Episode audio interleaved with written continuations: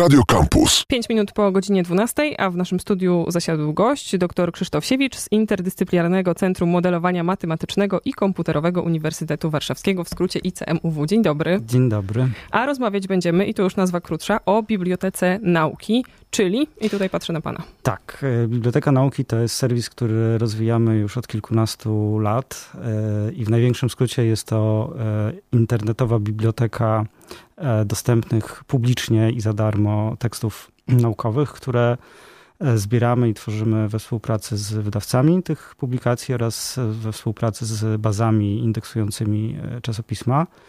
I obecnie kończymy realizację takiego trzyletniego projektu finansowanego z, e, z, z, z, funduszy POPC, e, w ramach którego przygotowaliśmy nową odsłonę tej, tej biblioteki.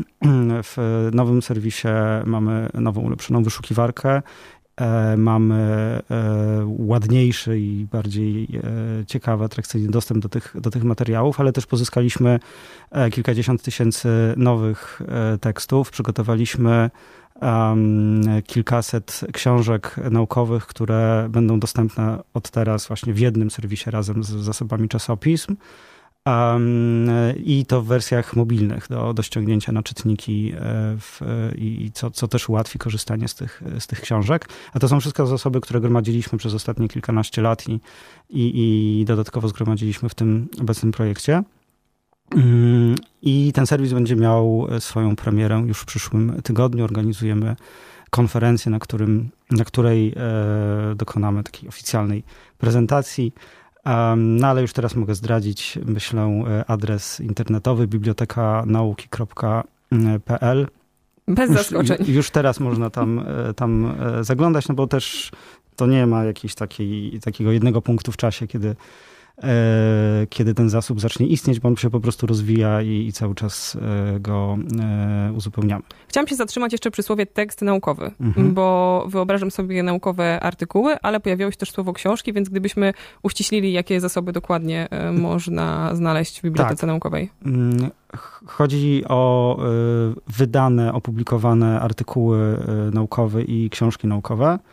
Konkretnie są to zasoby pochodzące z E, czasopism naukowych indeksowanych w takich bazach e, jak Bastech, CEIS, Agro, e, PLDML czy PSJD. To są może niewiele mówiące przeciętnemu czytelnikowi skróty, ale chodzi generalnie o zasoby czasopism naukowych polskich, ale też nie tylko polskich, bo na przykład baza CEIS to jest baza rozwijana przez Akademie Naukowe krajów tutaj z naszego regionu. E, i książki naukowe, które e, dostarczają nam e, sami wydawcy, z którymi nawiązujemy właśnie w tym zakresie współpracę, ale też książki naukowe, znaczy obecnie przede wszystkim książki naukowe, które gromadziliśmy w projekcie Otwórz Książkę już też kilka dobrych lat. W tym projekcie kontaktowaliśmy się z wydawcami, ale też bezpośrednio z autorami książek, które bardzo często już nie są wydawane, a są nadal wykorzystywane, czy to na zajęciach, czy to w pracy, e, w pracy naukowej. I kilkaset takich książek e, zgromadziliśmy, znaczy przekonaliśmy, e, namówiliśmy, chociaż czasami wcale nie trzeba było do tego zachęcać, autorów czy wydawców do tego, żeby zezwolili nam na udostępnianie tych książek właśnie publicznie za darmo w otwartym dostępie padło słowo namówiliśmy, a ja mam taką perspektywę no, prostego użytkownika. Wyobrażam sobie, że badacze zamiast y, podróżować po bibliotekach mogą bez wychodzenia z domu dotrzeć do interesujących czasopism czy poszukiwanych artykułów. No właśnie, jaka jest perspektywa w tym procesie wydawnictw czy samych autorów badaczy? Mhm. Znaczy, no to jest przede wszystkim taka korzyść, że właśnie można bez wychodzenia z domu i za darmo bardzo szybko i też sięgając od razu do pełnego tekstu publikacji do niego trafić, czyli też wyszukiwać od razu w pełnym tekście, nie opierać się tylko na samych słowach kluczowych czy, czy metodanych, jak to często jest przy takim wyszukiwaniu w, w, bibliotece.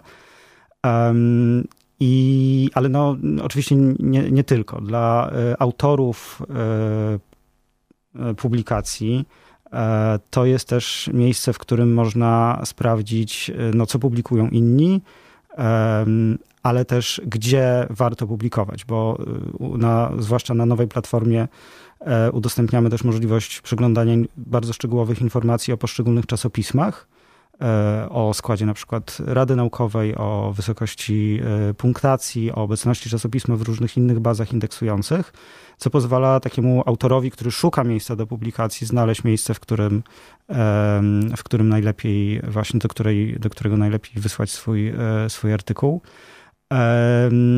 Plus Natomiast chyba zwiększają chyba... też szanse swoich cytowań, w sensie swoich własnych artykułów, jeśli zgodzą się tak, na zamieszczenie. Tak, to jest właściwie najbardziej bezpośrednia korzyść dla autora. Znaczy otwarty dostęp, opublikowanie, e, jak się okazuje w różnych statystykach, e, publikowanie w internecie znacznie zwiększa widoczność publikacji dla innych naukowców, zwiększa liczbę cytowań e, poszczególnych artykułów. No i też w dalszym kroku to jest szansa dla autorów na na kolejne kontakty z innymi naukowcami zajmującymi się daną dziedziną i co za tym idzie, kolejne projekty, kolejne, kolejne granty. To jest ogólnie, to są ogólnie korzyści otwartego dostępu, które już jakiś czas temu rozpoznano i też autorzy sami to widzą i, i generalnie od, od, paru dobrych lat widać taki oddolny, mocny trend wśród autorów, ale też czasopism e, naukowych, wydawców czasopism naukowych do tego, aby jak najszybciej te publikacje znajdowały się w internecie. No właśnie, a ci wydawcy, czy oni, czy im nie powinno zależeć na tym, żebyśmy jednak sięgali po na przykład płatne papierowe egzemplarze? To jest, y, to, to, to być może jest tak, ale w odniesieniu naprawdę do nielicznej już obecnie grupy y, wydawców. E, znaczy, ja mogę powiedzieć tak, że my y, współpracujemy i udostępniamy już w Bibliotece Nauki ponad 1300 tytułów czasopism, więc to jest 1300 redakcji, które e, same podjęły decyzję o tym i, i chcą, chciały nawiązać z nami współpracę po to, żeby ich zasoby znalazły się w internecie, bo te korzyści przewyższają ewentualne e, koszty polegające na tym, że i, I zresztą też, że, że, ktoś nie kupi papierowego egzemplarza. Tak? I zresztą też ten model finansowania czasopism naukowych E, nie polega e, w dużej mierze na tym, że ktoś kupuje te, e, te papierowe, drukowane egzemplarze. Czasopisma są finansowane z, też z pieniędzy publicznych, z różnego rodzaju grantów, z, z pieniędzy na, mm, na naukę. No i zgodnie z tą zasadą, że za publicznym finansowaniem powinna iść jak najszersza publiczna dostępność, to się właśnie w te, w, ze sobą jak najbardziej uzupełnia i łączy jak się ma ta licencja, y, potocznie mówiąc, CC do artykułu naukowego? Bo wydaje mi się, że możemy mhm. sobie czasem wyobrażać, jak wykorzystujemy inne dobra kultury, nie wiem, dźwięki, obrazy, a co można zrobić z artykułem naukowym i dlaczego ten mhm. otwarty dostęp jest potrzebny? Um, tak, znaczy otwarty dostęp to jest takie szerokie pojęcie, w którym się mieści właściwie um, dostępność niezależnie od licencji, ale w taki sposób, aby tekst był, czy jakikolwiek inny utwór um, po prostu publicznie dostępny, bez żadnych technicznych ograniczeń dla każdego e, z internetu. No i też za darmo, bo wchodzimy do internetu i znajdujemy takie teksty. Natomiast otwarte licencje pojawiają się wtedy, gdzie się zaczyna prawo autorskie, e, bo jak mam nadzieję wszyscy wiemy, to, że coś jest dostępne w internecie nie oznacza, że można z tego swobodnie korzystać, jak tylko nam się e, podoba.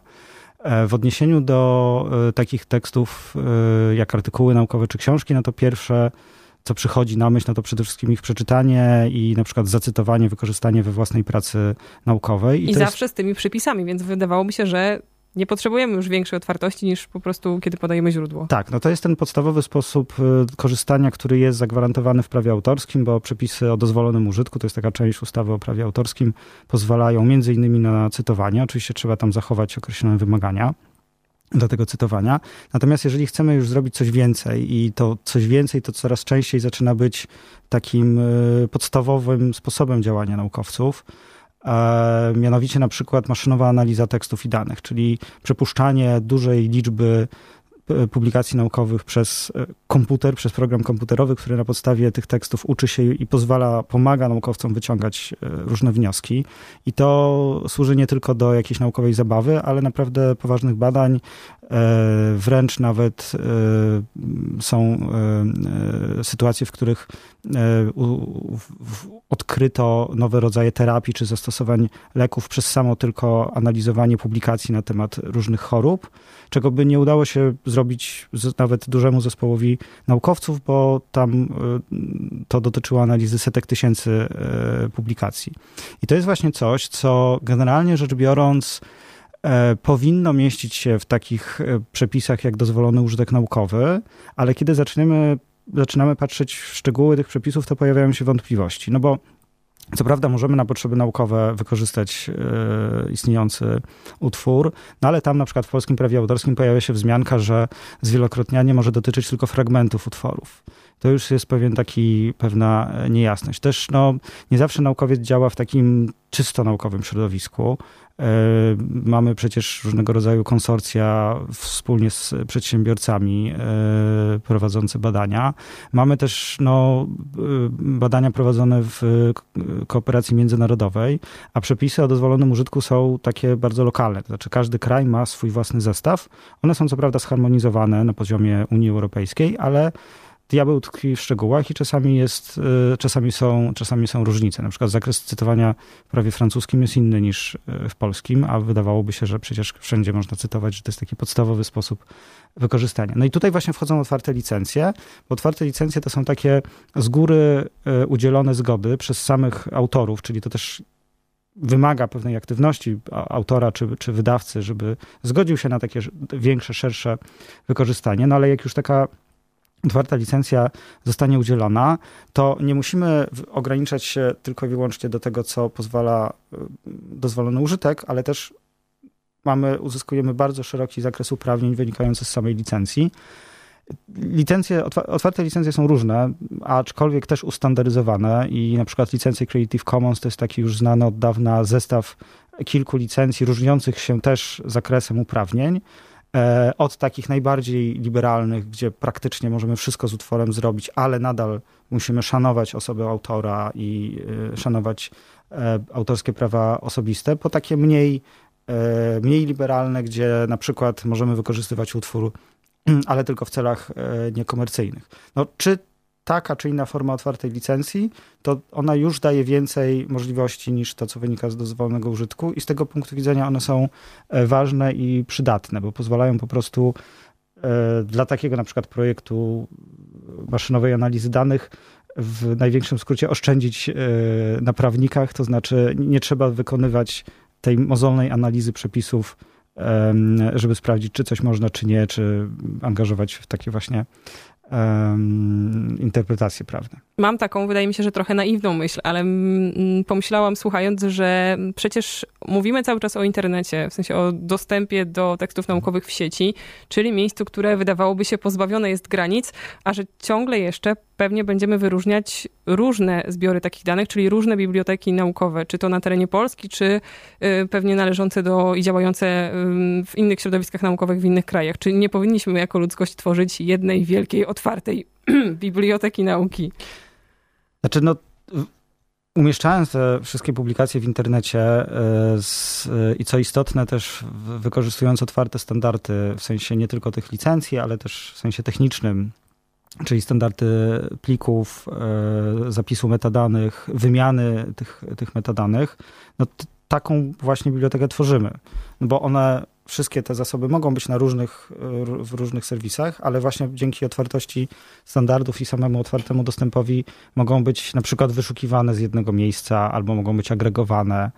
E, no i my zresztą właśnie to robimy. W Bibliotece Nauki udostępniamy te dane nie tylko przez taki serwis, przez przeglądarkę, ale też przez otwarte API. W związku z czym te dane mogą być e, zindeksowane w wyszukiwarkach, mogą być e, wyszukiwane i przenoszone do innych serwisów. E, I to nawet nie chodzi tylko o stworzenie tego wielkiego zasobu wiedzy, ale też na przykład ułatwienie dla wydawców, którzy wprowadzają te, te dane, dzięki temu, że jest względna łatwość importowania, przenoszenia danych między różnymi systemami, no to na przykład wydawca może te dane wprowadzić raz, a potem już y, korzystać z, z narzędzi do przenoszenia danych na potrzeby na przykład raportowania swoich publikacji, czy naukowiec na potrzeby raportowania swoich publikacji, bo naukowcy muszą to robić, żeby mhm. uzyskać ocenę dorobku. No, ja to właśnie tak postrzegam, jako tworzenie takiego wielkiego zasobu to ja teraz y, przejdę z tych, powiedziałbym, filozoficznych mhm. rozważań no, bardzo twardo na ziemię. Jak sobie wyobrażać fizycznie bibliotekę nauki? Gdyby to były y, papierowe wydania, książki czy tomy czasopism, to stałyby na regałach. Gdzie stoją albo gdzie leżą w bibliotece mhm. nauki, która jest wirtualna? A my, y, no to jest wszystko zapisane na dysku twardym komputera, tylko że ten komputer jest trochę większy niż taki, do którego jesteśmy przyzwyczajeni i ten komputer, a właściwie komputery, serwery stoją e, na ulicy Kupieckiej w Warszawie, gdzie ICM e, prowadzi centrum superkomputerowe. I mamy sobie wyobrażać jakieś takie gigantyczne pomieszczenie albo wielkie komputery? Mm, no one nie są już aż tak duże, jak to było kilkadziesiąt lat temu, ale no nadal to są takie duże szafy i pomieszczenia, e, też specjalnie klimatyzowane sale, wręcz takie hale, można by powiedzieć, gdzie, gdzie, e, gdzie takie szafy z komputerami się e, mieszczą. Samo e, centrum na Kupieckiej z zewnątrz też wygląda bardzo futurystycznie i ciekawie, więc I, I, zdjęcia też e, komputerów można znaleźć w internecie, więc może mi trudno to opisać, ale zachęcam do Jest do, do znalezienia. Biblioteka nauki.pl to jest adres absolutnie dla wszystkich, e, a drugi adres może będzie dla tych bardziej zaangażowanych w udostępnianie tekstów naukowych, bo zmierzam do tego 15 czerwca, którą, który jest datą, poza tym, że odświeżenia i pokazania nowej hmm. wersji serwisu, to też spotkania naukowców z całego świata, którzy będą o otwieraniu i publikacji tekstów w sieci rozmawiać. Tak, 15 czerwca organizujemy e, taką oficjalną premierę tego serwisu, w tym sensie, że zorganizowaliśmy wydarzenie, na które e, zaprosiliśmy przedstawicielkę Komisji Europejskiej, e, działu komisji, który się zajmuje otwartą nauką. Zaprosiliśmy też przedstawicieli polskich instytucji naukowych, które zaangażowane są w, mm, w otwarty dostęp i z którymi też współpracujemy przy udostępnianiu e, publikacji. E, no i również zaprosiliśmy e, reprezentantów i reprezentantki platform podobnych do Biblioteki Nauki, a działających na całym świecie. Będą zatem właśnie przedstawiciele takich serwisów z Ameryki Południowej, z Afryki oraz Japonii, a także Chorwacji, gdzie również funkcjonuje e, e, taki, ta, taka właśnie platforma. No i serdecznie, serdecznie zapraszam do zapoznania się z programem i z, e, do, do udziału. No tak, bo jest otwarta dla słuchaczy. Inna nie może być po całej naszej rozmowie na temat tak. otwierania i upubliczniania. Doktor Krzysztof Siewicz był naszym gościem z ICMUW. Bardzo dziękuję. Bardzo dziękuję. Radio Campus.